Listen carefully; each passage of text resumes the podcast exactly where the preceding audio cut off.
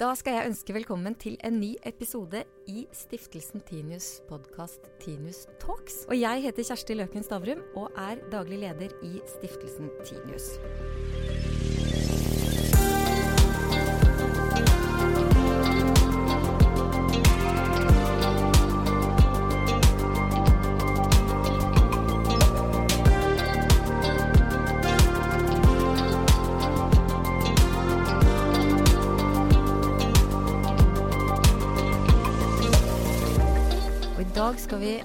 Stille ett åpningsspørsmål som har opptatt jeg skal ikke si mennesker i generasjoner, for da, for da faller det sammen. Men det opptar veldig mange ukentlig, daglig, hele tiden, er mitt inntrykk. Nemlig spørsmålet Var mediene bedre før? Og til å svare på det, så har jeg invitert med meg Harald Stanghelle, som har mange år bak seg i bl.a. Aftenposten. Vi skal ta det mer detaljert etter hvert. Og Per Egil Hegge, som også har bak seg mange år i Aftenposten, og som dessuten har vært styremedlem i Stiftelsen Tinius. Tenkte jeg skulle spørre deg, Harald. Var mediene bedre før? Ja, på en god del områder så var eh, mediene adskillig bedre tidligere. Det gjelder dyrking av språket, f.eks. Eh, det gjelder en del andre kvalitetstrekk. På andre områder så skal vi være sjeleglade for at det er dagens medier vi har, og ikke eh, de som var for eh, ja, 10, 20, 30, 40, 50, 60, 70 år siden. Per Egil, jeg må stille deg det samme spørsmålet. da. Var mediene bedre før? Det er veldig få som har lest mediene i, i, i gamle dager. Og i de avisene sto det veldig mye rart. Det var mye dårlig språk, øh, og det var omstendelig og klønete. Øh, og så var det faktisk, på tross av, til tross for at vi hadde gode korrekturlesere, så var det ganske mange elementære språkfeil. Nei, Det er jo bare å ta én sånn konkret ting som omtale av selvmord, f.eks. Eh, der eh, det i mange, mange tiår var helt vanlig å omtale det. Det var vanlig å omtale det med navn. Det var vanlig å omtale djupe familietragedier med utbroderende detaljer, for å ta én ting. Men la oss ta litt tak i det du er innom, eh, så vidt toucher innom, i hvert fall, Harald, nemlig krimjournalistikken. Du har jo selv vært krimjournalist.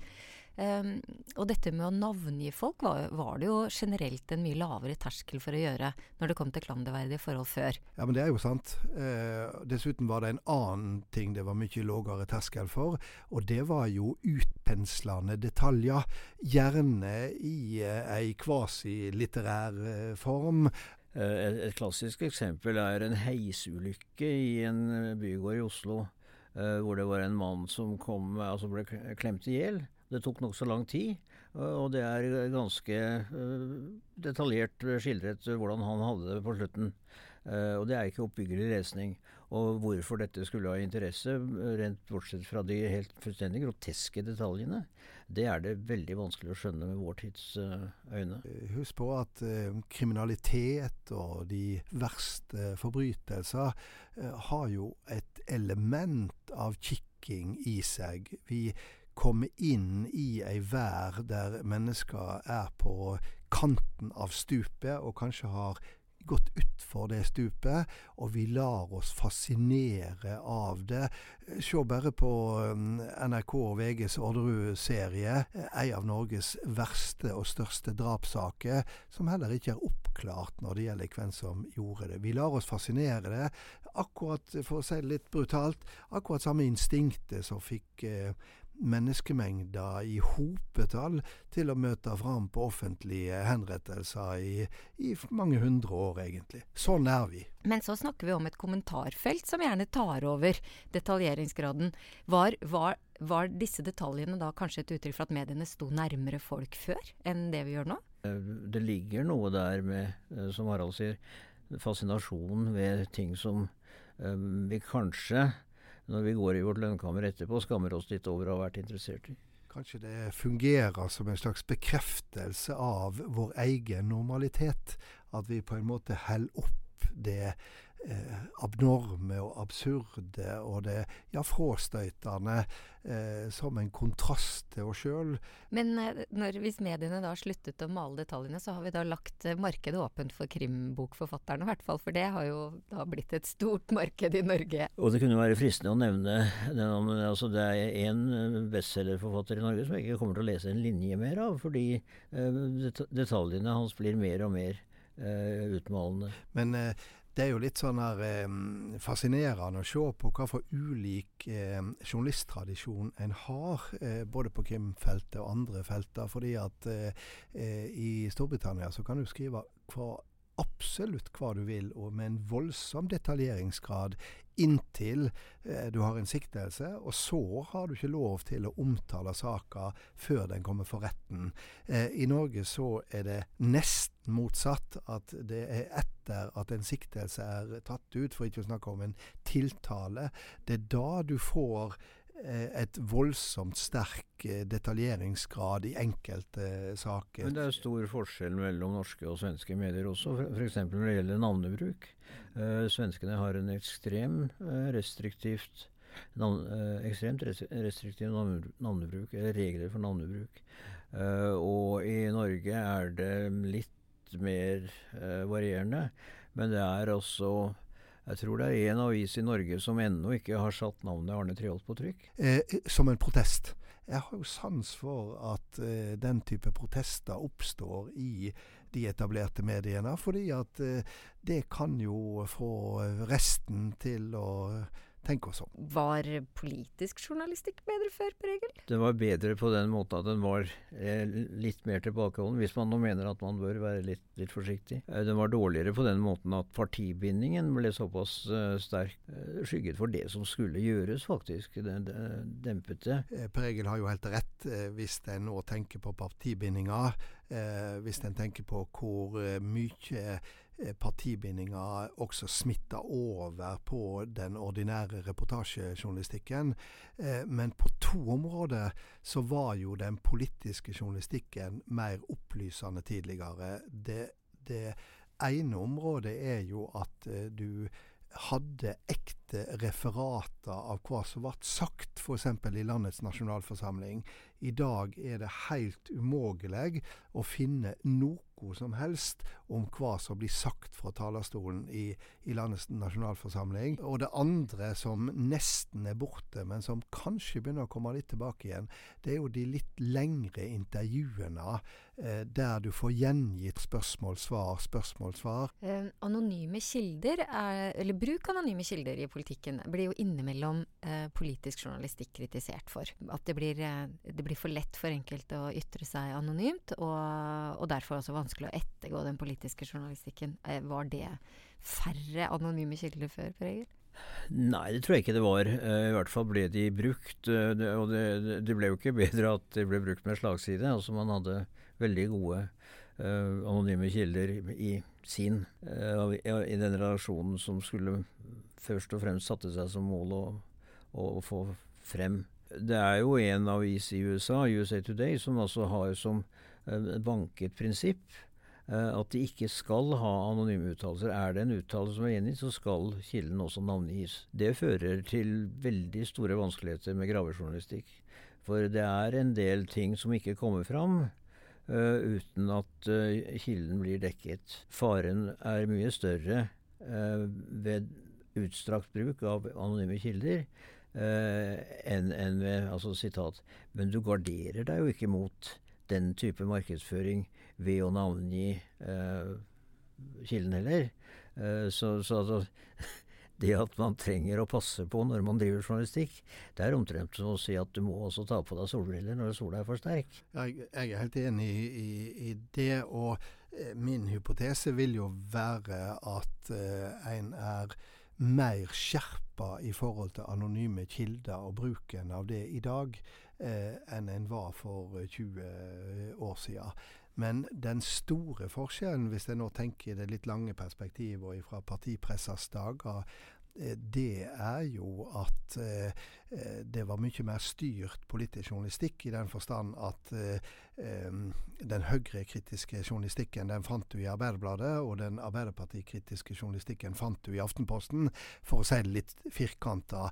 I dag så kan du si at eh, norske aviser er i opposisjon uansett hvem som styrer, eh, og der du gjerne ser at, eh, at eh, ei avis som på lederplass heller mot den sosialdemokratiske eh, eh, standpunktene og måten å se verden på, kan ha veldig skarpe avsløringer som gjelder Arbeiderpartiets indre liv, og det samme gjelder på den andre sida. Altså, vi er ute etter det som skjer uansett, og det er mange, mange år siden eh, vi snakker om tiår, da norske redaktører lot seg innkalle til politiske ledere med beskjed om at dette skjer, men du kan ikke skrive om det, og de fulgte den parolen.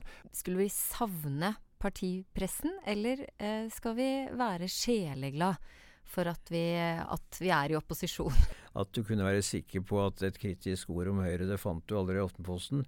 Det, det, det var ikke en ettertraktelsesverdig situasjon. Men selv ikke det at man da som leser tross alt visste da, hva man kunne forholde seg til. Det var jo lettere å manøvrere som en stakkars leser. Jo, det kan du si det var. Men det, de, de, som da var minst uh, interessert i, eller hadde minst toleranse for andre oppfatninger enn sine egne fortreffelige egne, de som da ikke leste andre aviser enn sin egen. Og dermed så stengte de seg eh, stengte de ørene og øynene for viktige synspunkt. Så når vi snakker om ekkokammer i dag, så var det egentlig eh, verre før? Ja, det, det mener jeg definitivt det var. Jeg vet ikke hva du sier, Harald, men, men jeg syns det var Altså denne forutsigbarheten, den syns jeg var forferdelig. Det, det, er klart at eh, Hvis en tenker på partipressers dager, så er det klart at eh, en kan bruke et ord som ekkokammer i den forstand at du leste for å få en bekreftelse av at ditt eh, samfunnssyn, eh, ditt eh, virkelighetsbilde, var eh, sånn du trodde det var. og det har aldri vært det beste utgangspunktet for en levende samfunnsdebatt.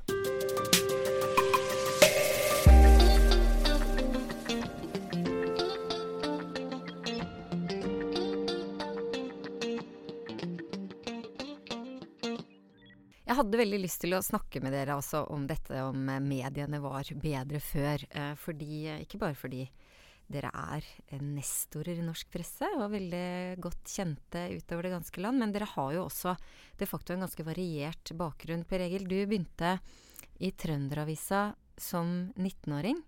Var senere lærling i NTB, og så har du vært korrespondent i Moskva øh, og i London. Eh, og to ganger i Washington. Og du Harald, du, eh, i den grad dere har noe felles, så begynner dere omtrent eh, på samme alder, nemlig som 19-åring. Da starter du Du starter på toppen som redaktør, og gründer, ville vi kalt det i dag, av lokalavisen Vaksdalsnytt. Det er i 1975. Og senere jobber du i Dag og Tid og Arbeiderbladet. Så er du i Aftenposten som nyhetsredaktør, blant annet. Så blir du sjefredaktør i Dagbladet, og så går du tilbake til Aftenposten og er da politisk redaktør i, i mange år der. Eh, og med dette som bakteppe, så, så er det liksom ett uttrykk som presser seg fram, og det er da det forferdelige at vi i vår tid er blitt offer for fake news eller falske nyheter, propaganda og ja, vås. Var det fritt for slikt før, eller? Det var det ikke. Og propaganda, eh, det har jo tilhørt eh, politikken eh, siden tidenes eh, morgen. Eh, men det som er eh, det skremmende nye i vår tid, eh, det er jo at de mektigste politikerne slipper unna med det.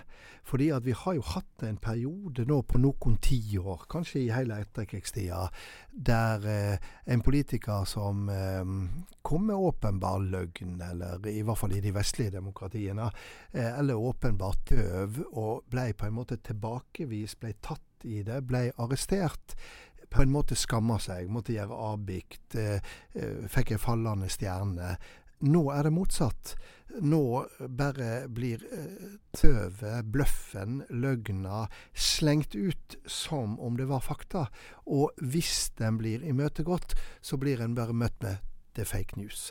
Og sånn sett så kan du si at eh, litt alvorlig sagt så er det en slags devaluering av de idealer som en har hatt siden opplysningstida, at meningene skulle være frie, men fakta skulle være heilage. Du kan godt si at dimensjonen i dag er litt større på dette her, men hvis man nå går tilbake til forrige århundreskifte, Eh, krigen eh, på Cuba på 1890-tallet, så er det altså en aviskonge som sier 'skaff meg bildene, så skal jeg sørge for krigen'. Eh, sånn at vi hadde det før også. Men det er noe med den altså den kraft som Eh, den nåværende amerikanske presidenten Trump setter inn i dette her. Hver gang han blir eh, konfrontert med at dette er ikke sant, så bare pøser han på mer. Altså, han bruker det som heter brannslangeeffekten. Firehosing. Altså du bare pøser på mer. Uh, når du blir forsøkt stoppet eller, uh, eller kritisert. Uh, og det har vist seg forbløffende effektivt. Presidenten har kalt journalister verdens verste mennesker. I Tyskland så har du Alternativ für Deutschland, som har begynt å gjeninnføre uttrykket fra 30 år av lygenpresse. altså alt det som tilhører etablerte, de etablerte mediene, med alle våre feil og svakheter, det blir utdefinert eh, som noe en ikke trenger ta hensyn til, og utdefinert den virkeligheten som vi representerer. Og det er et skremmende eh, trekk som har en del framtidspeikere som ikke akkurat er lystelige å følge. Men et lite sidespor i vår analyse om hvorvidt mediene var bedre før. Vil, vil da disse angrepene, tror du, likevel gjøre en del medier bedre? Nå, nå, må de ta seg sammen, ja. Og at vi må anstrenge oss litt mer i vår bransje, det er jeg ikke sikker på er så veldig usunt. Uh, og så får man heller uh, ta skittskurene fra Trump og så, og, og, og så, argumentere mot det så godt man kan. Men det er krevende. Men eh, noe av dette handler jo om eh, En ting er at sannheten er det første offeret i en krig, men, men, det vi kanskje ser, er at sannheten også blir et eh, ganske hurtig offer i en maktkamp.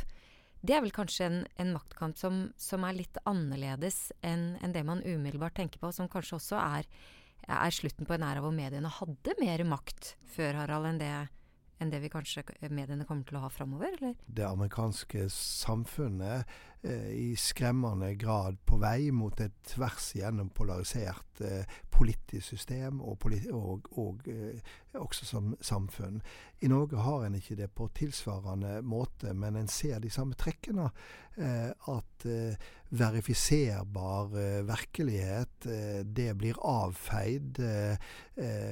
en kommer langt med å anklage media for å være en elite som ikke forstår eller reflekterer hva folk flest er opptatt av. vi kan slå i bordet med tall og statistikk og eksempler, men det bare preller av. Det gjelder ikke lenger. Og det er jo et trekk vi ser både i USA og i hele Europa, eh, og et ganske farlig trekk. Også fordi at jeg tror at et samfunn har bruk for noen leirbål eh, i, i, kraft av også eh, media. En har bruk for noen ting som eh, samler, ikke fordi vi skal være samde, men fordi vi kanskje skal kunne bli samde om noenlunde hvordan virkeligheten ser ut rundt oss. For mister vi tak i det, eh, da er det fare for færre. Men det er litt liv i leirbålene ennå, og en ting som er gått eh, altfor mye under radaren her i Vest-Europa, det er den fullstendig feilslåtte russiske propagandaen, nesten sagt sovjetiske propagandaen fra veldig mange trekk fra den, eh, i forbindelse med disse giftdrapene, attentatene, i London. Eh, eller Salisbury, hvor altså den forklaringen som disse to gutta som hadde lagt ut dette her, eh, ga, var så latterlig at den ble latterliggjort. Ikke bare av de, press, de, få avisene som er kritiske mot Putin, eh, men også mot aviser som, som vanligvis er lojale mot ham. Altså, dette var så tjukt at altså, Fortell oss noe helt annet enn ting som er så løgnaktige at vi ser det med en gang. Det var budskapet. Uh, og det må jeg si var noe som jeg ikke hadde sett komme. Eh, I dag er journalister relativt godt betalt, og da uh, er det jo nærliggende å spørre om man, om man ikke er en elite, så er man kanskje i hvert fall langt mer privilegert enn man var før, eller? Ja da, i et samfunn der det eh, har utvikla seg en ganske stor middelklasse, så er journalister havna i denne store middelklassen. Eh, Det er jo ingen tvil om. Eh, og så er det jo ingen tvil om at journalisten eh, har gått veien eller mange i hvert fall, har gått veien fra å være en slags bohem til å bli rekkehusbeboer. Men i hovedsak så har det vært ei flott utvikling.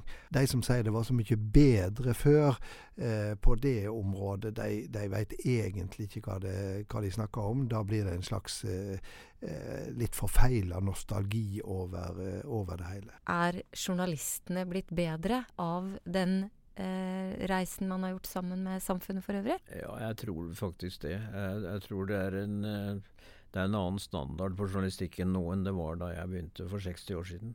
Og, og det, det, det, det, skjedde veldig, veldig mye rart. Per Egil, du har solid erfaring som korrespondent. Eh, Harald, du har, eh, var jo i Unifil i Libanon. Er det slik at norsk altså rapportering fra utlandet til norske lesere var eh, om forhold i utlandet bedre før, bedre nå? Jeg tror den var bedre fordi det var mer plass. Eh, sånn at eh, det, ble, det var muligheter for å gå litt dypere inn i tingene. Hva betyr dette for oss? Eh, er blitt et mye viktigere spørsmål enn jeg syns det skulle være. Men jeg griper meg i å savne ting som jeg visste jeg fant i avisen før. Og det tar jeg med litt større sinnesro etter hvert, for det er et samfunn som er i endring. Uh, og de nye mediene har altså uh, omkalfatret uh, dette ganske grundig. Altså det var flere utsendte korrespondenter tidligere, så du hadde på en måte norske øyne og Øyre som rapporterte hjem til norske lesere om det som skjedde kring om i verden. Eh, men på den andre sida så var det jo svært ofte sånn at en rapporterte likt også. Min påstand vil jo være at deler av utenriksjournalistikken er mye bedre i dag. Eh, og jeg syns jo f.eks. Aftenposten har utvikla en fabelaktig eh, utenriksjournalistikk der en kombinerer fakta på fakta med tilstedeværelse ute, som virkelig beskriver den verden som, som forandrer seg. Og så er det en annen ting også. Det er jo for lengst slutt på den tida da norske aviser er den eneste kilda til det som skjer utenfor landet vårt. Eh, de fleste av oss er i stand til å lese såpass fra engelsk at vi har en, en voldsom tilbud ute. Og dermed så tror jeg at eh, totaliteten i dette er at vi har bedre utenriksjournalistikk. Eh, Harald, da du eh, nylig sluttet i Aftenposten, så, så eh, ble det faktisk laget et event. Og der, det, der refererer du hadde et robust selvbilde. Som det ikke alltid har vært så lett å rokke ved, tror jeg du sier. Og det slo meg da jeg hørte det, at det er jo noe som mange mener om journalister, egentlig. At man har et veldig høyt selvbilde. Liksom, om selvbildet var høyere før nå, skal jeg ikke spørre dere om, men, men, er det bra at journalister har et høyt selvbilde? Hvis det blir for høyt, så er det ikke bra. Jeg, husker en gang jeg anmeldte et eh, program som var veldig dårlig eh, i NRK. Uh, og, og, brukte nokså harde ord. Og Da fikk jeg et fornærmet brev fra min kollega som dette hadde gått utover. da, og Han sa at dette, var han, dette var direkte sårende, for han hadde lagt veldig mye arbeid i dette her. Jeg ja, jeg skjønner du har lagt mye arbeid, det har bare ikke hjulpet. Altså, En snekker kan ikke si at uh, dette skapet ble riktignok skeivt. Uh, og pent er det ikke heller, men jeg har jobbet veldig lenge med det. Det, det, det holder ikke som, som, som, begrunnelse for at dette skulle ha ros. Uh, og hvis journalister begynner å bli sånn at de, uh, at de er avhengige av ros fordi de har jobbet mye, da trenger de å få en virkelighetskorrigering. Det er noe på, på, engelsk som heter the, schoolyard bully who can dish it out but you cannot take it. Altså bølla i skolegården som kan dele ut juling til andre, men ikke kan ta imot sjøl. Det syns jeg er et mye større problem blant journalister enn et robust sjølbilde. Eh, det er jo at eh, eh, vi er så dårlige til å ta kritikk og akseptere kritikk. Vi gjemmer bort hver eneste rettelse. Gudene skal vite hvor mange diskusjoner jeg har hatt med journalister som vil at vi ikke skal trykke et kritisk innlegg mot akkurat den reportasjen de har laga. Eh, der er vi veldig lite rause, og vi vil eh, stått oss på eh, og, og dempe oss der. Akseptere kritikken, si OK, det der ble ikke innertier. Da får vi tåle også at noen korrigerer oss og sier at dette var ikke bra. Men det, der har vi mye å gå på. Ja, og når du snakker nå, så kunne jeg nevnt opptil flere eksempler på det du sier. Og så eh, tenker jeg det er jo det er, er, det noe uprofesjonelt i det at man er mer redd for å vise fram en feil enn å etterlate et feilaktig inntrykk? Det er ikke bare profesjonalitet, men det er det etiske gangsynet. Eh, altså Hvis du ikke er villig til å rette feil eh, når det er temmelig klart at du har begått en, det, det, er, det, tar seg ikke ut, og det er, det er, ikke etisk holdbart heller. Men jeg tror det går på det sjølbildet, at du har et bilde av deg sjøl som den som er objektiv, den som velger ut det riktige, den som skjønner situasjonen, skjønner saka, mens du definerer, eller gjerne kall det utdefinerer, de andre som, som er, er, er, folk som har part i saka, og da er det du som tar på deg den eh, dommerrolla og skiller Clinton fra, fra, fra veten. Så det er et skummelt eh, sjølbilde, og det sitter djupt hos eh, norske journalister og for all del også hos norske redaktører. Blir det bedre, tro, hvis vi skal snakke litt framover? Jeg tenker, Nå er jo mediene en mye større del av en debatt. Ja, og der tror jeg faktisk at eh, vi er ikke lenger de portvokterne til offentligheten eh, som eh, eh både Per Egil og jeg har eh, opplevd eh, tider der, der mediene, redaktørene, journalistene var det. nå blir du korrigert, og du blir arrestert. Om du ikke aksepterer det sjøl, sjøl, ja, så er det andre som sørger for at folk får vite om det, og det er bra. Vi to slapp sannsynligvis billig fordi vi var født til rett tid, sånn omtrent. Så det, vi kan egentlig gi oss der, at er, dere kan være glad dere slapp unna i det herrenes år 2018. For, for, etter dere så kommer uh, det mye bra, eller? Ja, det kommer en god del bra. Er dere optimistiske? Jeg er alltid optimist. Det er, det er, det er for trist å være noe annet. Jeg tar og bruker Eh, det var Slav Havel-sitatet som Thora Stoltenberg alltid klamra seg til, og det var jeg verken optimist eller pessimist, men jeg er håpefull. Jeg syns det hadde vært en veldig god anledning dette å høre om om jeg klarer å få lokket ut av dere prestasjoner som står igjen eh, etter dere, eller som dere gjerne skulle vært huska for? Det vil jeg gjerne melde meg ut av, for, fordi det, det får andre finne ut. Akkurat i år er det jo 50 år siden Eh, per Egil fikk Narvesen-prisen, eh, som tilsvarer den store journalistprisen i dag. Og det var jo for rapportene sine fra eh, den sovjetiske invasjonen av Tsjekkoslovakia, eh, der eh, eh, han tilfeldigvis befant seg som utsendt for A-magasinet i et helt annet oppdrag da de sovjetiske styrkene angrep, og var en av de som virkelig representerte øyenvitneskildringene i vestlig eh, presse. Så der, da kom det likevel. Men eh, hvis jeg skulle utfordre deg, da, må Per Egil svare for deg da, eller kan du svare for deg selv? Ja, Per Egil var jo eh, så veldig beskjeden, og gikk jo slik eh, foran med et veldig godt, eh, godt, eksempel. Ja, Nei, altså hvis det skal være så eh, dristig å nevne noe i disse tider, så eh, har jo nå eh, hele landet begynt å snakke om Orderud-saka igjen. Eh, og i 2001 da fikk jeg den store journalistprisen for kommentarene til Orderud-saka. Og eh, den er jeg relativt fornøyd med. Begrunnelsen for, eh, begrunnelsen for at jeg fikk den, var jo at jeg hadde skrevet kommentarer der jeg eh, lot tvisynet dominere.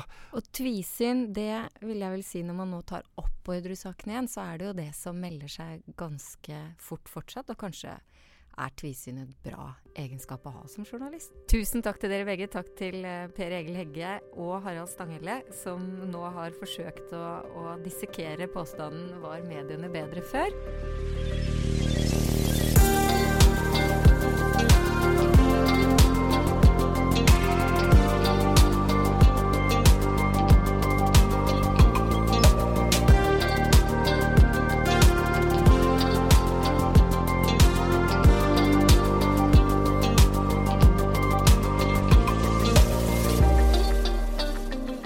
Denne podkasten er produsert av Hansine Korslien for Stiftelsen Tinius.